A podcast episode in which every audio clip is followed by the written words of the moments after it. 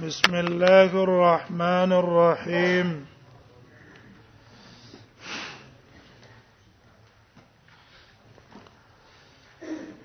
باب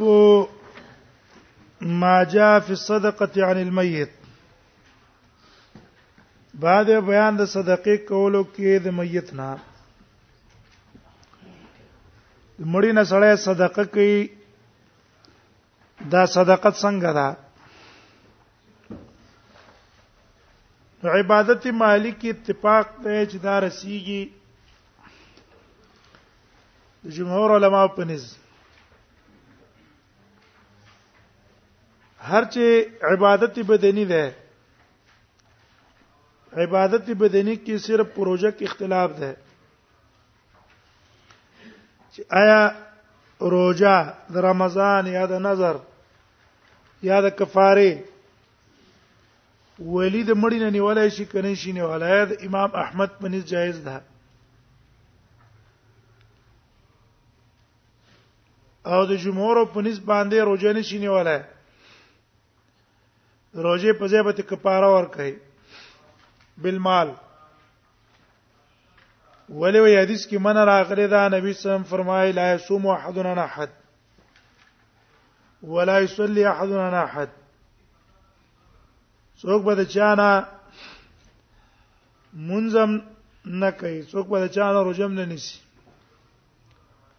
امام احمد را لګیدله د حدیث تخصیص کړی دی بغیر د چا پورې په کفاره دی یمین پورې عام نه پلی روزه ته نشي نیولای او د نظر تر اورل شي ځکه مما تعالی صوم سامانو ولیه ولی به تر روزه نشي اوس دغه مسله ذکر کړي باو ما جاء فی الصدقه عن المیت وبي قال سن احمد بن منيع قال سن روح بن عباده قال سن زكريا بن اسحاق قال حدثنا امر بن دينار انا اكرم علي ابن عباس ان رجلا قال يا رسول الله یو سړي د الله پیغمبره ان امي توفيت ما مور مړ شوه اصادب ابن عباده اي فينفعها ان تصدقت عنها اې دې ته پیدا ورکی کزه ته صدقه ورکما قال نعم نبی سمع الله قال دی ول فإن لي مخرفا زما یو باغ ده زتا غوا کوم اني قد تصدقت به عنها چې ما صدقه کړې ده پاغي عنها د دې مور د طرف نه دا باغ مې څه کړې ده دا باغ مې د مور نه صدقه کړې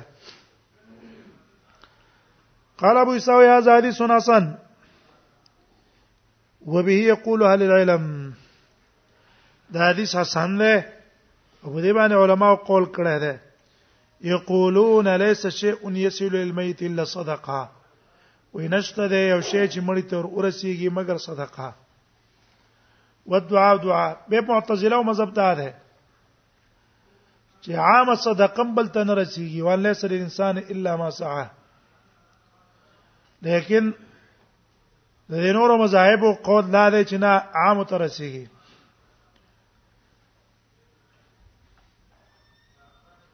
وقد روى بعض ما زلديس او بعضو د حدیث نقل کړي د عمرو ابن دینار نه ان کرمان نبی صلی الله علیه وسلم مرسل مرفوع کړي نه ده ابن عباس پکې نشته ومعنا قوله او معنا د دې قول چې ان لي مخرفا مخرف معنا څه ده یعنی بستان زما باغ ده باو ما جاء في نفقه المراه من بيت زوجها بعد باندې د کې چې خزر علاګيږي د خاوند د کو نه نفقه کوي د روایتونه مختلف دي باج روایتونه کې من راغله باج روایتونه کې دا دي چې خزه نه پقا وکړه الله پاک با دلم اجر ورکي خاون له به اجر ورکي د روایتونو تطبیق دا ده که خاون اجازه وا او خزرا اولګي دا نفقه وکړه نو دې خزرا هم الله اجر ورکي خاون لوي مور کوي د اجازه صراحتا و یا د عرب ته وجنه وا دا ګوره اوس په عرب کې دا بنا ده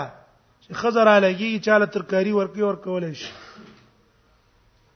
وشه روټي چاله ورکی څه نه وای بده نه غړي یو خصیص انساني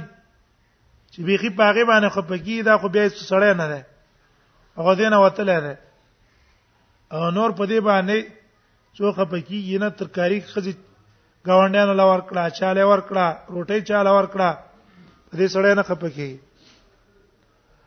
او که چرته د یو شی چې عام په عرب کې داغي اجازه نه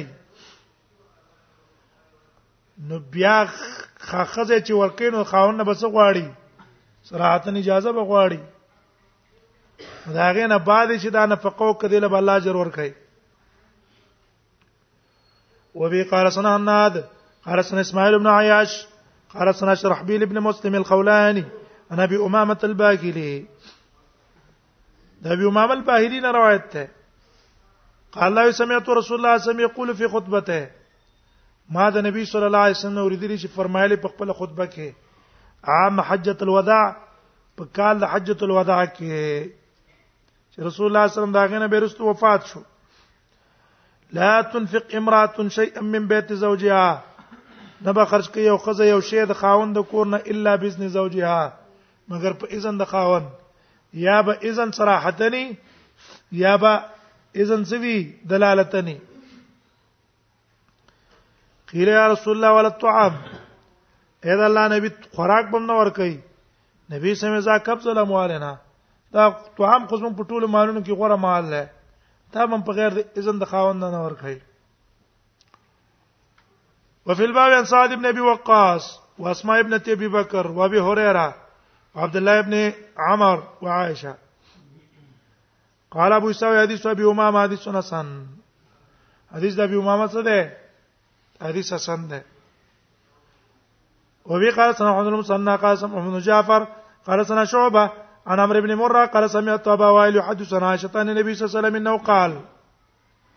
نبی صلی الله علیه وسلم فرمایي اذا تصدقت المرأة من بيت زوجها کله چې صدقه ورکړي خزه من بيت زوجها د خاوند د کور نه کان لها به اجر وی په دې لپاره پاغه باندې اجر لا باغې له اجر او ثواب ورکړي کان لها به اجر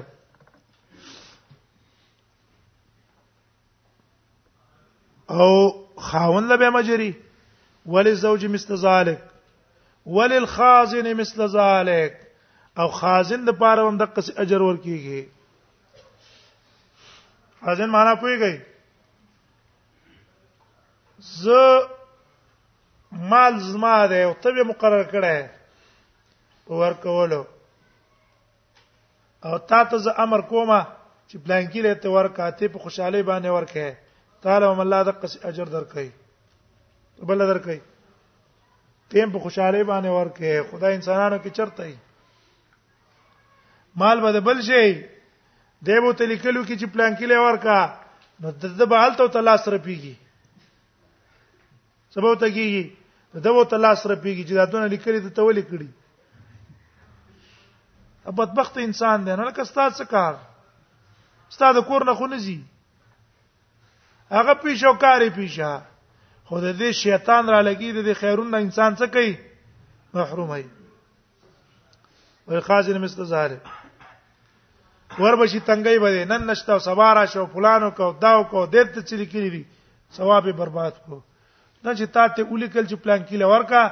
سړی د لراغه چټي راغله او ته کینل ته خپل احترام او عزت کینه هرور دا شی واخله خوشاله ورکه چې الله تعالی اجر او ثواب درکړي مثل ذالک دیو کې دا خازن دا ننګریان هم دي کنه بدبختان یو شی باندې مقرر دی ولې صحیح نه کې ستا خو څه نه زی استاذي خشه پوخ کا خ ترتیب باندې او کا څوک تر درغه په اخلاق ولا ورکا خو په اخلاق او په عزت او په غیو لور کا چې دا والا د قاضي نه مستو زاله بد اخلاقی باندې کوه اوزه او فلانو کو دلته کینو دا د کړي هغه د کړي عمل دې برباد شو ولې قاضي نه مستو زاله دیو جن شیطان سره څه کوي غړ خیر نه محرومای کم خدمت باندې ته مقرره د خپل ډیپټي سي ادا کا الله بدل مخ کې بوم چې ترقی بل درکې دیو جن ګوره دا دا قاعده واره کم یو تن دکاندار سره شاګرد دی او دا په وفا باندې کار کوي چې رد دکان کې زه د خپل مالک کې نه ولم زه په پابندې باندې ول راځم کار ول سې کوم او هغه خپل غني دا لږ وخت کې الله ته غاټ کسوبه سي خپل کاروبار تور نصیب شي مزدوري کې ټاټکی والا ده خدا په دې ټاټکی کې دوکې موکې نه کوي په اخلاص باندې کار کوي دن الله په غټ ټکدار به رستو باسي او چې یو تن په چلول باندې روانو چلول بس وخت روا دا به در سپینه ګيري پورې هم دقه سي رواني یو خپل اختیار نشي رخازه مستزاله یو شی مقرر کړي په صحیح طریقې ته ادا کستا خو استاد کو استاد جب نه خونځي ان استاد کو راځي که شی اخلاص شو تبه متکیر چې اخلاص ته د مبش او کدی غموړې چې را کدا شیخ لا شي به بزما تنخواه ختم شي دې جن به الله وباسي بل ځکه په ترقې زی الله درکې او څه کوه صداقت او په اخلاص باندې چلےګا او قاضي مثل ذلك ولا ينقص كل واحد منهم او نه کمه هر یو تند دیونه من اجر صاحب شيئا اجر د صاحب نه هیڅ له بما کسبت د د لپاره بما کسبت هغه څه چې د کړی ولها بما فقط اې دي خاون له الله اجر په څور کوي کسب باندې د مالک لبا الله خپل کسب اجر ور کوي او د خزي او خازن لبا بیا بمان فقط انفاق په اجر ور کوي قال ابو سعيد حديث حسن دا حدیث حسن ده وبي قال سمع محمود بن غيلان قال سمع مؤمن عن سفيان منصور عن ابي وائل مسروق عن عائشه قال قال رسول الله صلى الله عليه وسلم عائشه رضي الله عنها وايي رسول الله صم فرمایي ذات المرته من بیت زوجها کله چې ورکی خزا پیسې نفقه خرچه من بیت زوجها بطیب نفس د خاوند د کور نه بطیب نفس په خوشاله غیر مفسده خو فساد کون کې د مال نه ده ټیک شو مال بربادون کې نه ده دا نه کې چیرې بيزه ولګي نه ضرورت مطابق کې ورکې زدا ورکا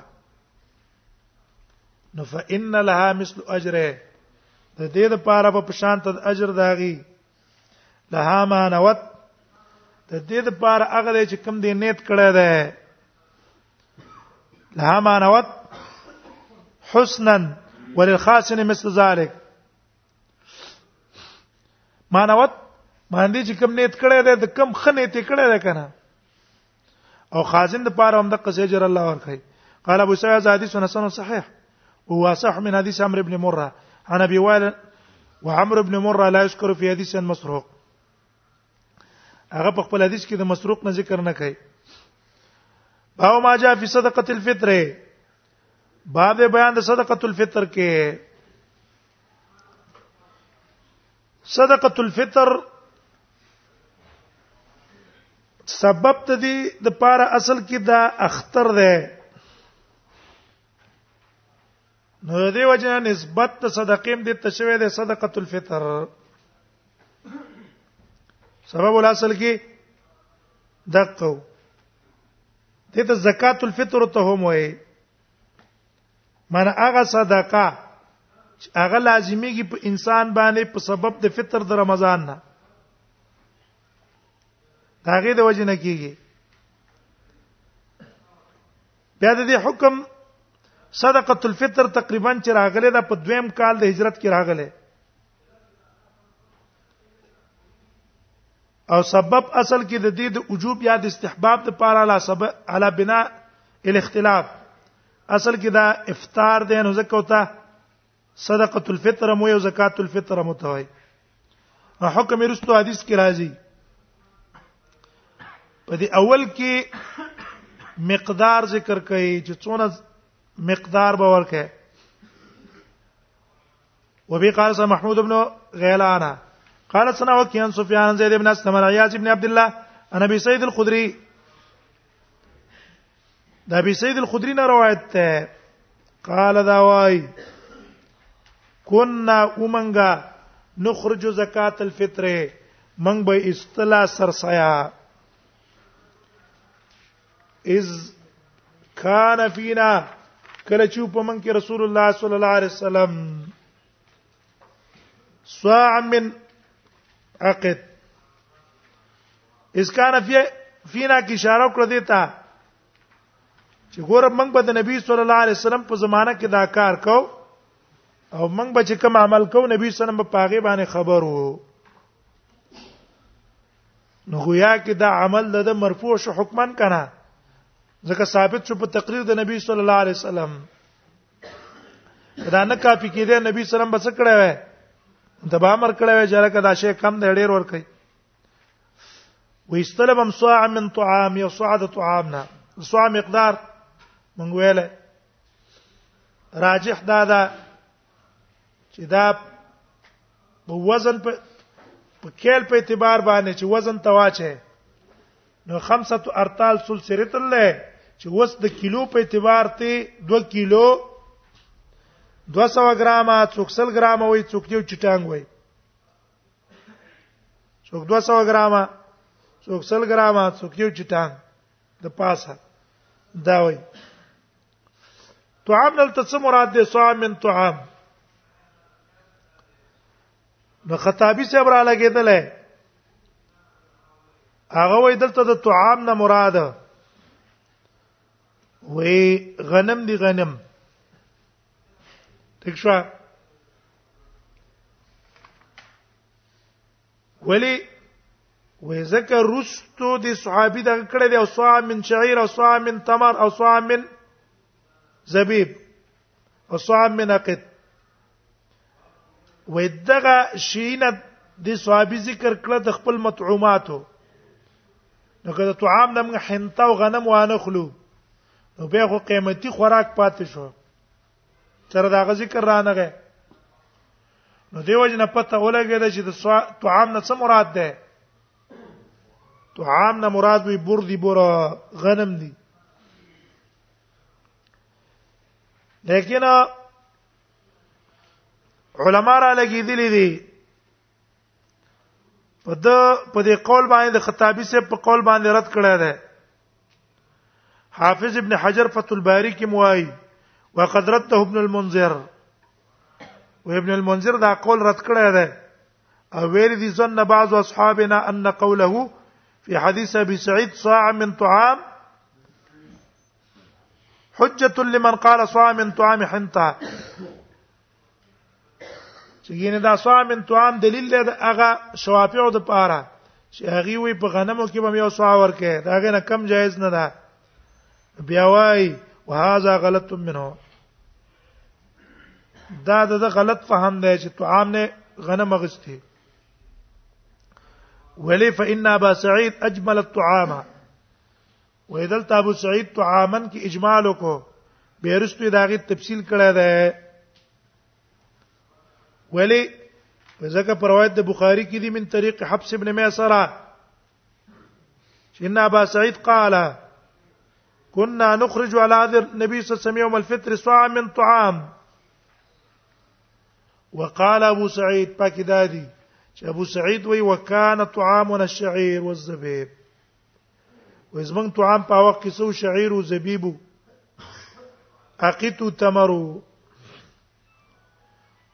غره تفسیر د ابو سعید نه معلوم شو چې صاع من طعام طعام نه بور نه دی غنم نه دی مراد بلکې دا رستوی تفسیر ده دارنګ سبول السلام والا هغه والقول بان ابا سعيد اراد بالطعام الحنطه فی حدیث غیر صحیح وای څوک چې دا قول کوي لکه خطابی صاحب چې طعام نه مراد کم یو شی دی حنطه دی نو دا قول صحیح نه دی ټیک نه دی صحیح دا ده چې لفظ د طعام هر قوت ته شامل دی په غیر د غنمونه ټول ته شامل دی ولی دلیل په دې باندې دا ده تحاوی روایت ته ابو داود کې مرাজি وی معاویه رضی الله عنه معاویه فلما جاء معاویه وجاءت السمره معاویه چراغه او د شام نه دا غنم رال نو قال ارى ان مت من هذا يعدل مدين دا دلیل په دې چې د نبی سم په زمانہ کې څه نو غنم نو زکه دا ویل چې دا حدیث سره مساوي دي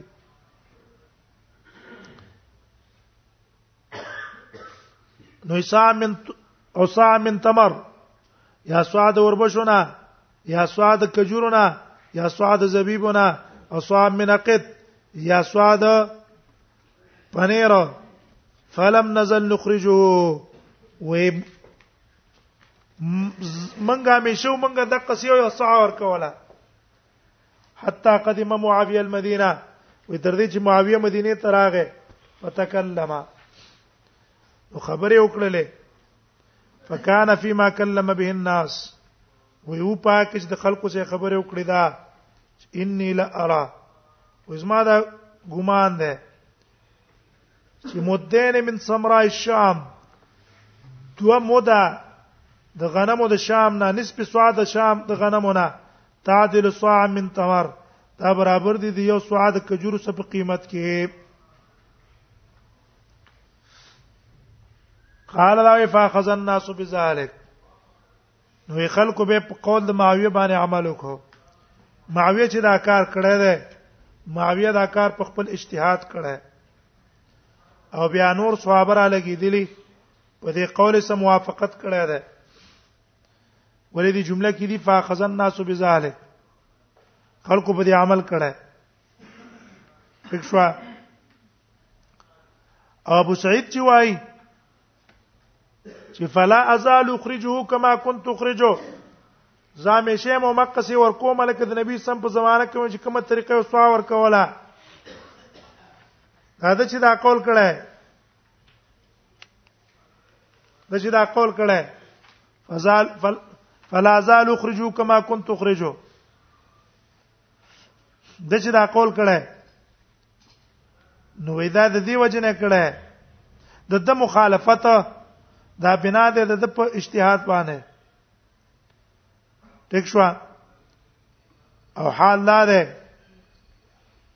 د دا ځکه کړه د وجه د شدت اتباع او آثار النبي چې راشه د نبی سم په زماره کې موږ دا کار کړی دی په قصې عمل به موږ کوو فلا زال اخرجو کما كنت اخرجو زامه شه مز او با سم غیل لکه څنګه مې چې ستلو د نبی سم په زمانہ کې د نبی سم په زمانہ کې ما څنګه ستلو د قصې وسم زدا د او با سم بیا په دې کې اختلاف ته د علماو چیرې صدقه الفطر کې څونه شی لازم دي څونه نه دي لازم په دې کې اختلاف ته د د علماو چیرې په دې کې پورا ثواب ورکه ک نسب ثواب ورکه پورا ثواب ده او که پورا نسب ثواب ده یو قول د امام مالک ته د امام شافعي ته امام احمد ته اسحاق ته او د حسن بصري ته او دا قول د ابو سعید الخدری هم او د ابو العالیه هم او د جابر ابن زید دی وای چې په صدقه الفطر کې به تاسو نه ورکه صدقه الفطر کې به ته پورا سوا ورکه کده هر جنس نه که غنمي که زبيبي که تمري که عقيتي هر شي لا فرق بين البر والزبيب وغيرهما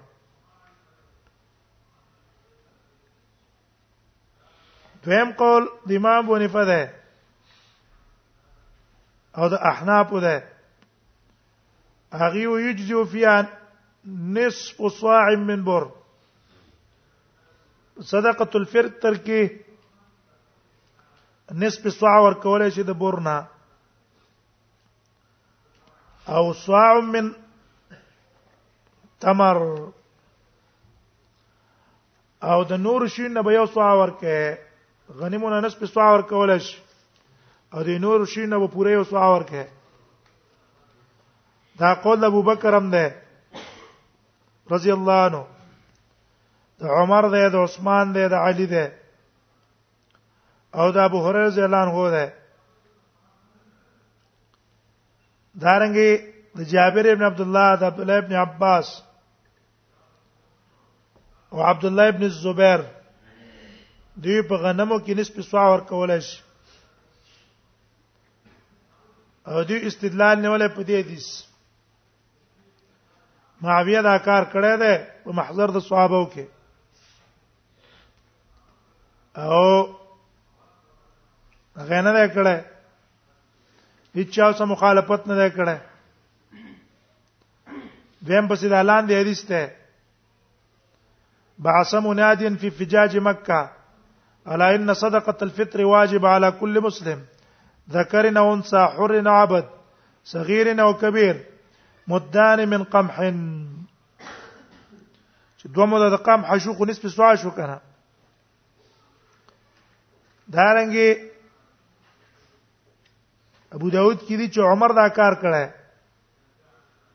عمر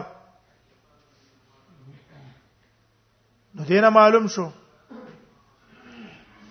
وس چې ګور دې کسان اتفاق کو پرای د معاویه نو خود دې معاویه سره څوک معارض پادیش کې نه وو کوي صحابه سره اتفاق منوي کړه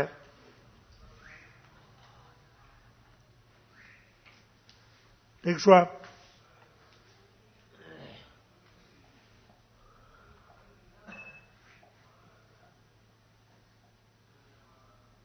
نو په دغه حدیث باندې استدلال کړه او کوم روایتونو کې چې زیات راځي کوم حدیثونو کې زیادت راغلی دی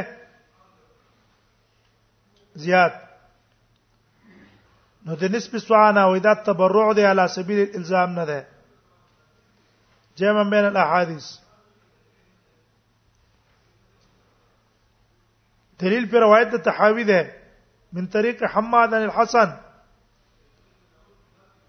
ان مروان بعث الى ابو سعيد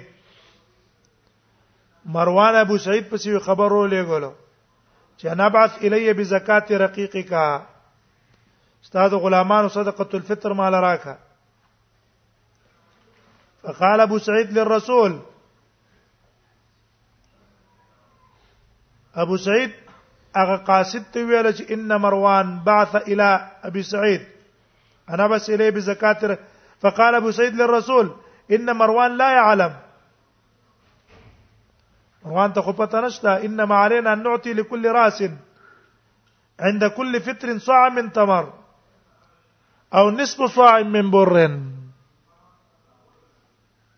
څه شی به انما علينا و ان مروان لا يعلم مروان ته خو پته انما علينا ان نعطي لكل راس وای موږ باندې دا لازم ده چې موږ ورکو هر سر د پاره عند كل فطر هر اختر کې صاع من تمر او نصفو صاع من بر یا نصف صاع د غنم منور کو نو تحاوی سے وای فهذا ابو سعید قد اخبر في هذا بما عليه في زکات الفطر و دې کې معلوم شو چې ابو سعید وای چې موږ باندې زکات الفطر څونه لازم ده نصف سوا فدل على ان ما روانه مما زاد على ذلك چې لا نزال نخرجه زه یو سواد غنم غنم ورکوما کان اختیاری منه ولم یکن فرضا دا داغه په خپل اختیار باندې وا او په غنمو کې پوره سوال لازم نه وا دیو جن دا قول راجح ده چې نسب سواب په غنمو کې څه ده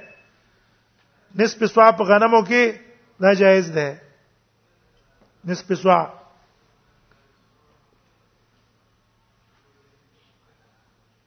د وجه د عمل د صحابهونه او د تابعین په زمانه د معاویه په معاویه کې د معاویه رضی الله په زمانه کې د صحابه په دې اتفاق کړه او په دې باندې اجماع کړه نو دی وجنا حق قول راجح شو قول څه چلو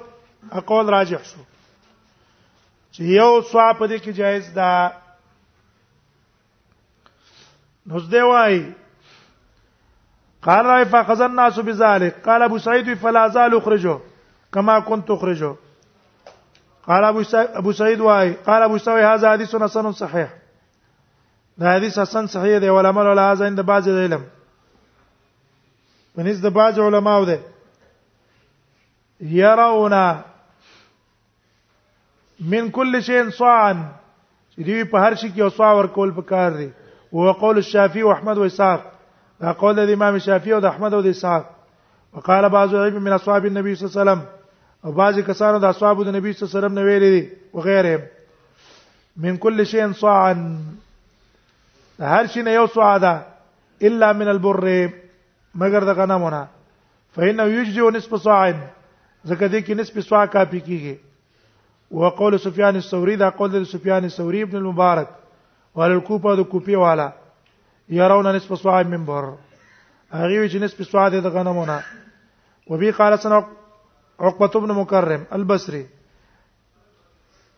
قال حدثنا سالم بن نوح عن ابن جريج عن عمرو شعيب بن نبي جده ان النبي صلى الله عليه وسلم بعث مناديا وی نبی صلی الله علیه وسلم اوله ګری आवाज کوونکې فی فجاج مکه په کوڅو د مکه کې الا ان صدقه الفطر واجبه خبردار صدقه د فطر واجب ته علی کل مسلم ذکر او انثى حر او عبد صغیر او کبیر مدان من قمح دو مدې د غنمونه او سواه یو د دینه په غیر صاع من طعام قال ابو سعید زادی سن غریب حسن دام دلیل شو دویم قول علی د پاره وبي قاسن قتيبته قال سن حماد بن زيد بن ايوب النافع عن ابن عمر قال فرض فرض رسول الله صلى الله عليه وسلم صدقه الفطر بس به کو نو